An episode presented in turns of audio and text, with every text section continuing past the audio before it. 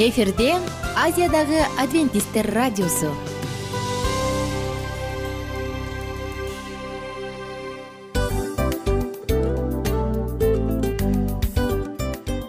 Достор салют. Баардык сүйүктүү угармандарыбызга салам айтабыз. Кутман күнүңүздөр менен. Ден соолук өмүрдүн булагы демекчи саламат саамы программасында баарыңыздарды көргөнүбүзгө абдан кубанычтабыз. Анда алгач амандашып өтөлү арбаңыздар деп. Ден соолугуңуздар кандай элибизде көбүнчө ден соолук кандай дегенде эле жакшы деп жооп беребиз э? ооруп турсак дагы жакшы дейбиз. Анан мен муну айтып ойлойт элем бул абдан сонун сөз депчи анткени бул жакшы деген үмүт да э ооба баары жакшы болот. Баары сонун. Деп үмүттөнүп атып эле өзүбүздү өзүбүз дарылап коебуз.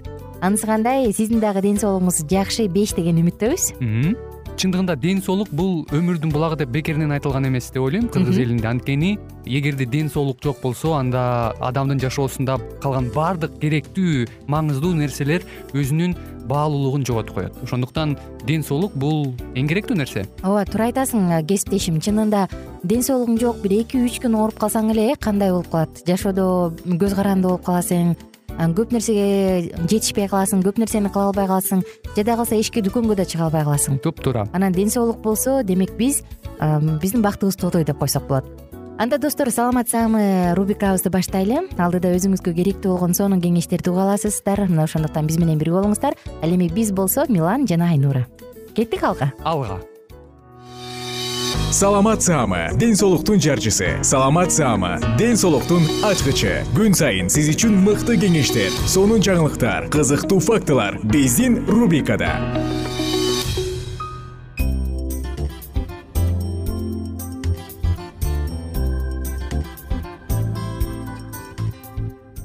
Саламатсыздарбы достор? Жалпыңыздар менен амандашып биз саатыбызды улантабыз. Саламат саама рубрикасы жана бүгүнкү темабыз веноздук кан айланууну кантип жакшыртса болот? Мына дал ушундай аталат. Негизи адамдын денесиндеги кан вена аркылуу жүрөккө чейин көтөрүлүш үчүн ага сөзсүз жардам бериш керек. Кандай кылып эмне кылып кандай кылганда биз ушундай веноздук кан айланууну жакшырта алабыз? Ал эгерде жакшырбаса эмнеге алып келет? Мына мунун баардыгы тең алдыда ошондуктан биз менен бирге болуңуздар жана уктуруубузду таштабаңыз достор эң эле биринчи айта турчу нерсе бул компрессиондук чулкалар. Азыркы учурда чулкалардын түрү бар эмеспи э? Булар тизеге чейин болот же санга чейин бийик узун болот.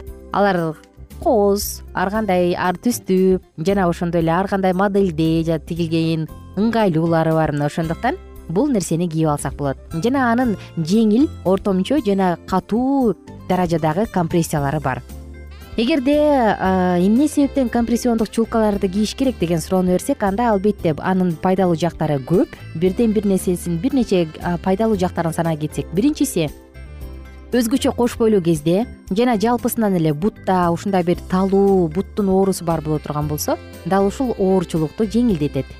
Экинчиси варикоздук кеңейүүнү жана веналардын варикоздук кеңейүүсүн жана флебит оорусунун баардыгын алдын алат жана бар болсо аларды токтотот.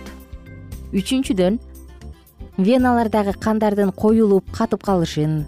Булар баардыгы тромбоэмболияга алып келет э мына дал ушул нерсенин баардыгын тең алдын алат. Жана төртүнчүсү варикоздук язва бар болсо алардын айыгып кетишине жардам берет. Мына ушундай достор экинчи кезектеги айта турчу кеңешибиз веноздук же болбосо венадагы кан айланууну кантип жакшыртса болот дегенге биздин экинчи кеңеш. Суу жээктеп басыңыз сейилдеңиз. Жылаң айлактап алып суу суу жээктеп баса турган болсоңуз бутуңуз жылаңайлак болуш керек албетте. Бул буттун чарчап жатканын баардыгын алдын алат. Жана ошондой эле мындай учурда бутубузга аябай жакшы массаж дагы болуп берет. Ал эми мындай массаж таманга жасалган буттардагы кан айланууну жакшыртат. Жана кийинки кеңешибиз сууда сүзүү жана гидротерапия. Эгерде кандан жакшы айланышын өзгөчө веналарда кандын жакшы айланышын кааласак анда сөзсүз түрдө сууга сүзүш керек жана гидротерапия же болбосо суу менен ар кандай терапияларды жасаш керек.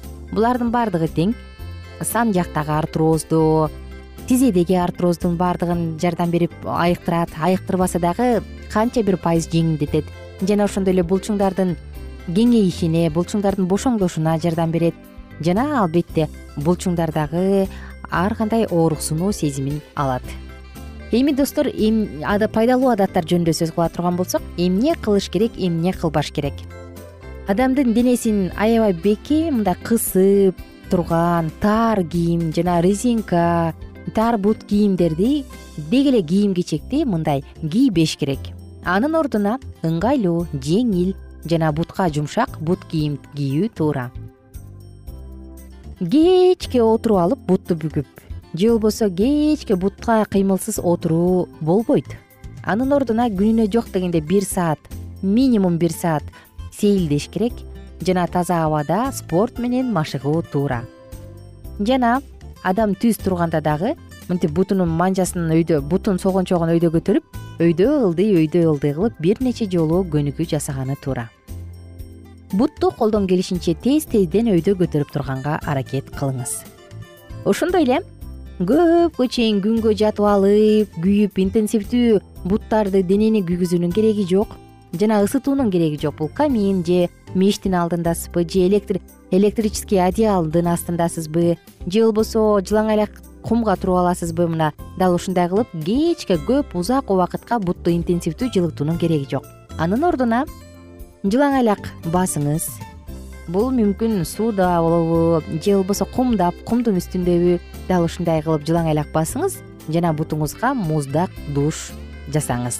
Бул дагы кан айланууну жакшыртат эми судороги жөнүндө айта турган болсок судорогим кармап калды бутум тырышып калды деген адамдарды көп эле көрөбүз.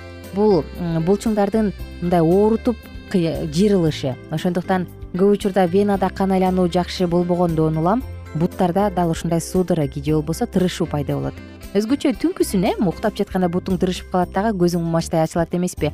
Мындай болгон учурда эмне кылыш керек мындай учурда колдон келишинче кийинки себептердин баардыгын алдын алган жакшы. Бул жаман начар веноздук кан айланууну алдын алыш керек. Кантип биз азыр эле айтып өттүк? Ошондой эле өтө катуу ысык дагы адамдын адамды судорогиге алып келет жана булчуңдардын чарчаганы дагы.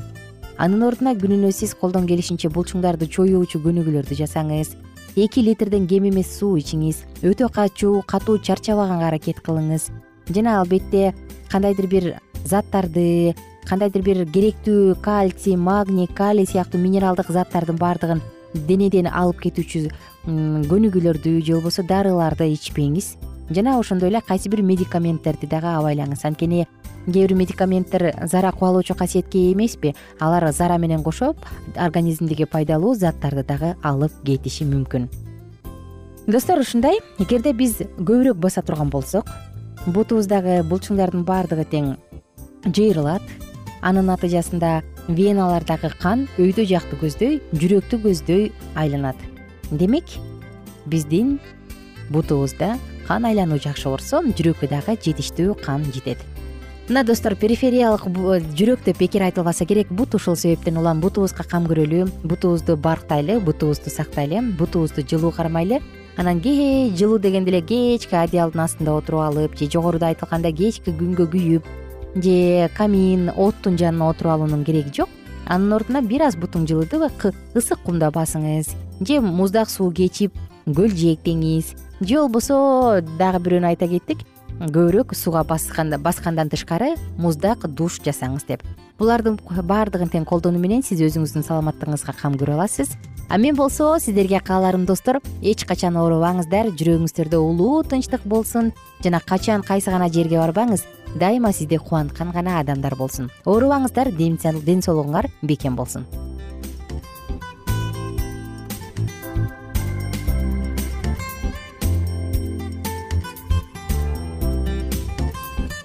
Кененирээк маалыматтар үчүн үч w чекит саламат чекит клуб сайтына келип таанышыңыздар жана андан тышкары социалдык тармактарда youtube facebook жана instagram баракчаларына катталыңыз.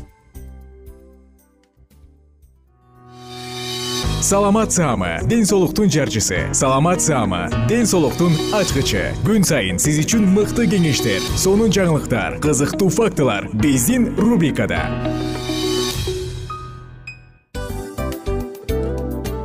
Салам достор кайрадан биздин сүйүктүү рубрикабызга кош келиңиздер деп айтмакчыбыз.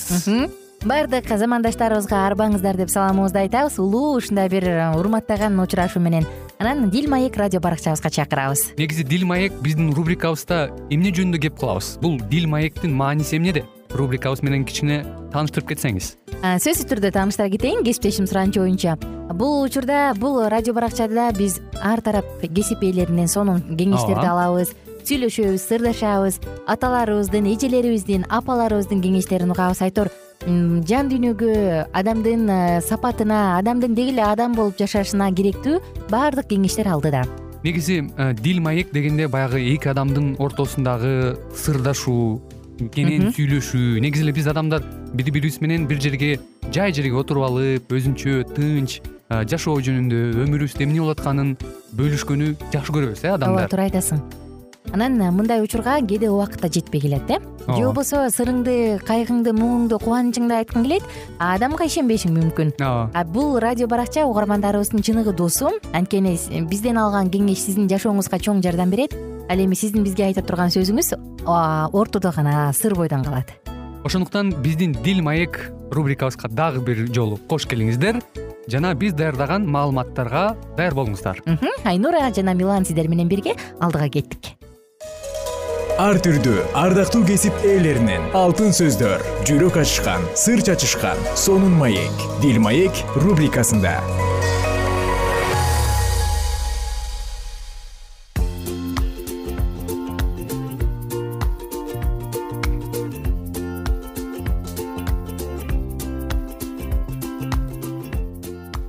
Салам достор. Кандайсыздар? Маанайыңыздар сонунбу бизде болсо баары сонун баары жакшы маанай жайдары эң негизгиси жүрөгүбүздөн кубаныч кетпесин ар бир үйдө ынтымак болсун дасторкондо ырыскы болсун деп саатыбызды баштайбыз дил маек уктуруусу. Биздин бул уктурууда биз бактылуу үй бүлө деп аталган циклды бөлүшүп жатабыз. Анан албетте бактылуу үй бүлө кандай болушу керек? Бактылуу үй бүлөнүн формуласы барбы дегенге биз сиздер менен ооба бар аны жараткан берген деп айткандан тайманбастырмын анткени эгер жолдошу келинчегин аяр мамиле кылып өзүн сүйгөндөй аярлап назик мамиле кылып сүйүп турса келинчеги ага теңирге баш ийгендей баш ийип турса анда бул албетте эң эле биринчи формула эмеспи бүгүн сиздер менен ата эне болуу жөнүндө сөз кылалы ким балдарды тарбиялоо жана билим берүүдө өзүн кыйнагысы келбесе алар балалуу болбой эле коюшсун дейт. Платон. Караңыздарчы ким балдарды тарбиялоо жана билим берүүдө өзүн кыйнагысы келбесе алар балалуу болбой эле коюшсун баласыз үй мазар. Анын тургундарын өзүмчүл болуу өз эркинен сүйүүсүн эркелетүү жана өзүнүн гана ой максаты кызыкчылыгы менен эсептешүү коркунучтары каптап турат. Алар алды менен өздөрүнүн кызыкчылыгын жакшы көрүп башкарды төмөн деңгээлде каймана карашат. Жашоо шартына байланыштуу ар кандай болуп көрүнүүчү өз керт башынын гана камын ойлоо жана мүнөздүн өзгөчөлүгү жок болууга тийиш. Эгер үй бүлөдө балдар болсо чоңдордун аң сезими өз кызыкчылыктарынан баш тартып балдары үчүн кам көрүп аларды үйрөтүп алар үчүн үлгү болууга бурулат. Эки адам үй бүлө куруп бирок алардын токтоолугун өстүрүүчү сезимдерин чыдамдуулугун жана чыныгы сүйүүсүн козгоочу балдары жок болсо аларга өз керт башынын камын ойлоочу жаман сапаттар жана барып турган жекечилдик жана өзүнө гана көңүл бурууну талап кылуучулук кам көрүүчүлүк бир нерсеге кызыккандык мүнөздөрү бийлик кылбай башкаларга көбүрөөк убакыттарын бөлүп ар дайым сергек болуусу керек. Караңызчы бала жок болсо кандай көйгөйлөр жаралат? Көпчүлүк адамдар өздөрүнүн нааразы назарын артыкча өздөрүнө кам көрүү үчүн гана багыттап койгондуктан дене бой акыл эс жана моралдык жактан алсыздандыруу ооруларына чалдыгышат аларды бул акыбалынан таза өмүрдү сүйүүчүлүктүн жана балдардын токтолбогон кайраттуу кыймылы аркылуу гана чыгарууга болот. Балдар менен баарлашууда колдонулуучу тилектеш болуу чыдамдуулук жана сүйүү ар кайсыл үйгө ак бата алып келет. Булар жайбаракаттыкта жана кубанычта болууну каалагандыктардын мүнөздөрүн жумшартып өзүнө ээлеп алат. Үйдө жаш баланын болуусу айлананы көңүлгө жай жана таза кылат э бый быйтыштар тим эле биздин көз карамагыбыздагы бизге көз каранды балдарга болгон биздин камылгабыз жана байлангандыгыбыз бизди табигый оңдолгонубуздан арылтып сүйүүчү жана боорукердүү кылат балдар ата энелер үчүн тапшырылган качандыр бир убакта кудай талап кылып ала турган кымбат баа жеткис мүлк. Биз балдарыбызга убактыбызды болушунча көбүрөөк бөлүп анан камкордукту жана көбүрөөк туура көргөзмөлөрдү берүү менен тарбиялашыбыз керек силердин балдарыңар жана кыздарыңар кудайдын кичинекей үй бүлө мүчөлөрү болуп саналат. Ал балдарды асман үчүн тарбиялап окутууга силердин карамагыңарга тапшырган. Силер өздөрүңөрдүн ыйык милдетиңерди кандайча аткарып жаткандыгыңар тууралуу кудайдын алдында жооп беришиңер керек. Эми үй бүлө мүчөлөрүнүн эсеби жөнүндө сөз кылсак ата энелерге өз балдарынын келечеги тууралуу кам көрүшү зарыл э анан ата эне баламды бутунан тургузам дейбиз дагы анан иштейбиз. Үй бүлөнү баардык керектүү нерселер менен камсыз кылыш үчүн талыкпай эмгектенүүгө туура келет. Ата энелер үчүн берилген милдеттемелерди кабыл алып жатканда өтө кунт коюу менен талдап чыгуу зарыл. Эненин күчү толугу менен жетишер элекпи балдар үчүн кам көрүүдө ата аларды туура тарбиялап туура окутуп үйрөтө алабы? Ата энелер балдардын тагдыры жөнүндө кээ бир убакта аз ойлонушат кудай ар бир ата эне акыл эстүүлүк менен иш жасап ар бир жаш балага керектүү таалим тарбия алыш үчүн ошого ылайыктуу жашоо өткөрүүсүн каалайт. Атасы аялына жана балдарынын апасына денелик жана моралдык жактан ийилип өтө катаал оорундуктун алдында болбой кайгынын тереңдигине чөгүп кетпеси үчүн дагы кам көрүүсү керек экономикалык мүмкүнчүлүктөрдү айтпай кетсек болбостур ата энелер өздөрүнүн балдары жакшынакай көз карашка жана тарбияга муктаждыгы болбой тургандыгы жөнүндө жакшылап ойлонуп чыгып көзү жеткенде гана өз үй бүлөсүн көбөйтүү тууралуу ойлонгону дурус. Алар өз балдары үчүн эмне кыла ала тургандыгы тууралуу күн мурунтадан ойлонушу керек. Туулган бала көпчүлүккө оорундук келтире турганын билсе андан көрө баланы төрөбөй койгон артык дейт.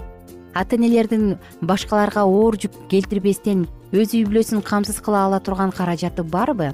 Эгерде жок болсо балдарды төрөө менен алар кылмыш кылып жатышат. Анткени аларга тамактын жана кийимдин жана кам көрүүчүлүктүн жетишпестигин камдоо менен ким өз үй бүлөсү тууралуу кам көрө албаса балалуу болбой эле койгону жакшы дейт. Караңызчы тилекке каршы кээде толтура көп бир нече балалуу болуп алабыз дагы анан баланы да кыйнап ата эне өзүн дагы кыйнайт э өмүр бою жетишпеген жашоодо. Кысталышта кыйынчылыкта жашап же жетиштүү витаминдүү тамак жебей чоңоет дагы кийин өмүрү бою оорунун азабын тартышы мүмкүн ден соолуктун азабын тартып же дагы басынып чоңоюп калышы мүмкүн. Айтор карап отурсаң дүйнөдө чоң кыйынчылыктар жаралат. Кыйынчылык артынан кыйынчылык келе берет. Беш алты азыркы заманда алты жети балалуу болгон бул. Өтө эле мындай кыйынчылык да көрүнөт э бирок албетте. Баланы жараткан белек кылып берет бирок анын келечегин ойлоо аны тарбиялоо ата энеге жоопкерчилик катары берилет. Ошондуктан биз бизге тапшырылган балдарга кандай мамиле жасап жатабыз? Аларды биз чын эле асмандын жарандары кичинекей үй бүлө мүчөлөрү катары кабыл алабызбы? Мени бул нерсе абдан ойлондурду. Баланы асмандын үй бүлө мүчөсү катары тарбиялап ошол асманга даярдаш керек дегенчи биз көбүнчө тескерисинче баланын жүрөгүн катуулантып алабыз жаман сөздөрдү айтып алабыз. Айтор карап отурсаң абдан көп э? Карап отуруп туруп баланын бар экени кандай жакшы дейсиң? Кээде ага болгон жоопкерчиликтен коркуп кетесиң. Эми менин каалоорум достор. Кудайыбыз бизге ар бирибизге ар бир ата энеге баланы туура тарбиялаганга акылмандуулук берсе экен. Сиздер менен коштошчу учурга келдим. Кийинки уктурууда кайрадан жалпыңыздарды ушул жыштыктан күтүп алабыз күнүңүздөр көңүлдүү улансын достор. Бар болуңуздар. Ар түрдүү ардактуу кесип ээлеринен алтын сөздөр жүрөк ачышкан сыр чачышкан сонун маек дил маек рубрикасында.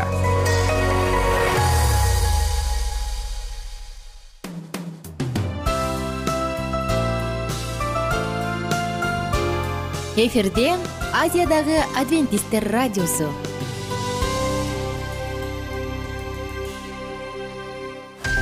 жан дүйнөңдү байыткан жүрөгүңдү азыктанткан жашооңо маңыз тартуулаган жан азык рубрикасы.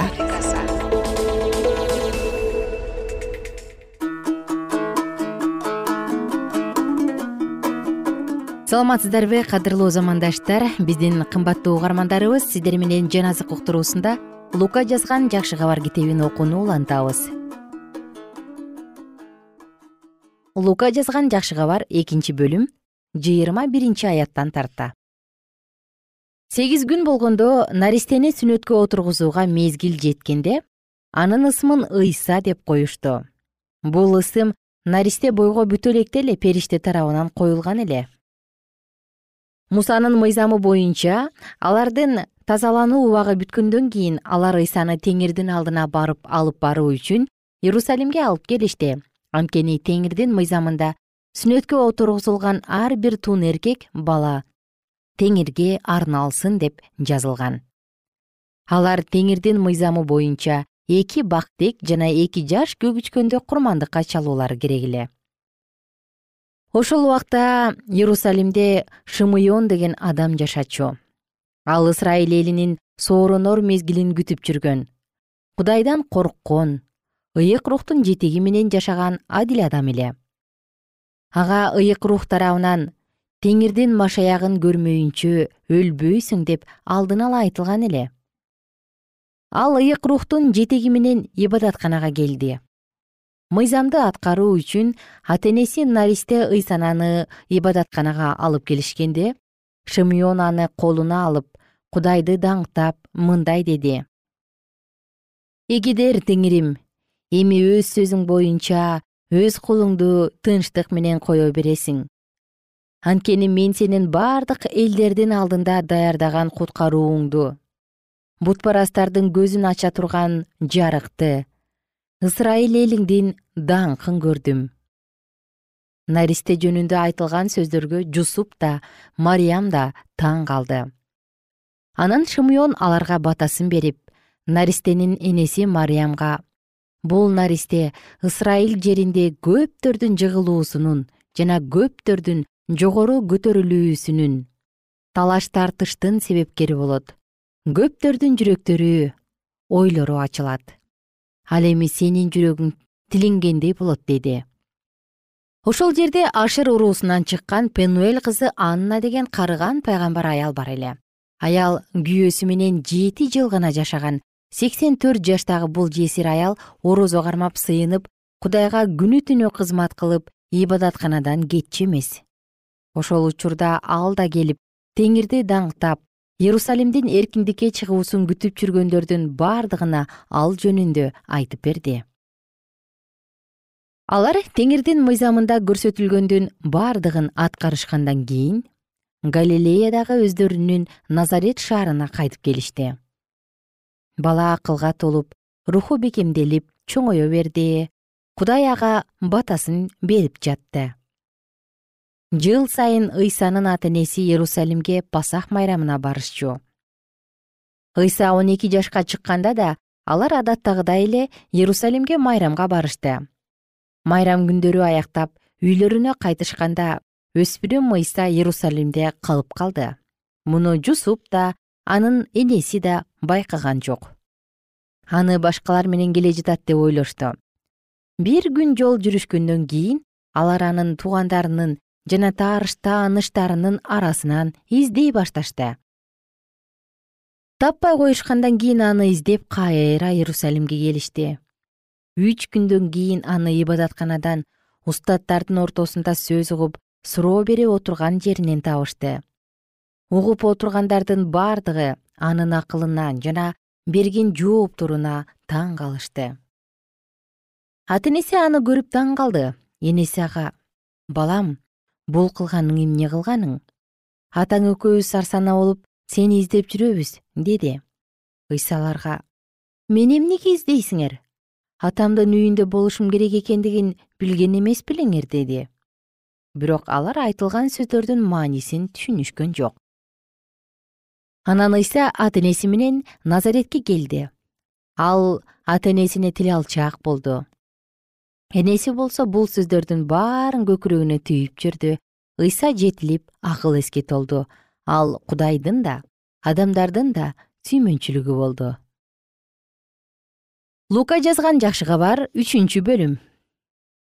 Рим падышасы тиберийдин падышачылыгынын он бешинчи жылы эле жүйүт аймагында понти пилат галилеяда ирод антипас итория жана траханит аймактарында ироддун бир тууганы филипп абиленияда лусани акимчилик кылып анасы менен каяапа башкы ыйык кызмат кылуучу болуп турганда ээн талаада захариянын уулу жаканга кудайдан сөз айтылды.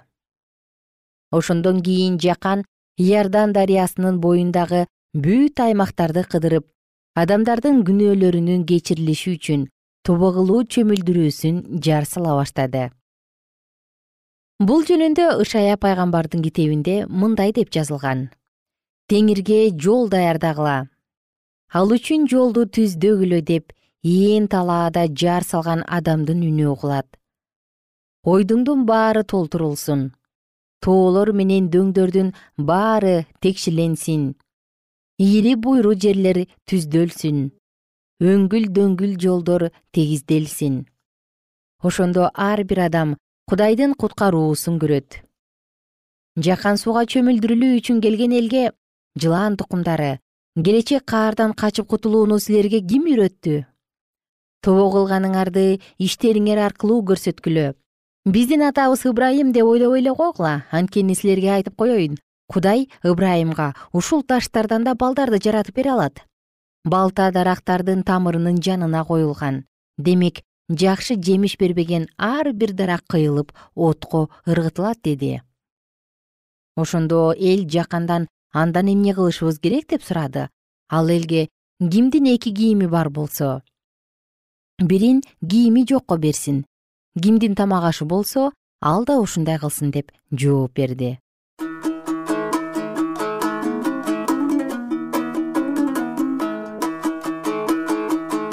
достор биз уктуруубузду кийинкиде мындан ары улантабыз. Окуяны андан ары эмне болгондугу тууралуу. Ага чейин баарыңыздар менен убактылуу гана коштошобуз жана кайрадан амандашканча сак саламатта туруңуздар. Күнүңүздөр көңүлдүү улансын бул сөздөр дагы сиздин жүрөгүңүздүн тереңинен түнөк алса экен деген үмүт бар. Эгер сиздерде суроолор болсо же көбүрөөк маалымат билем десеңиз анда биздин whatsapp номерибизге жазыңыз. Плюс бир үч жүз бир жети жүз алтымыш алтымыш жетимиш. Кайрадан плюс бир үч жүз бир жети жүз алтымыш алтымыш жетимиш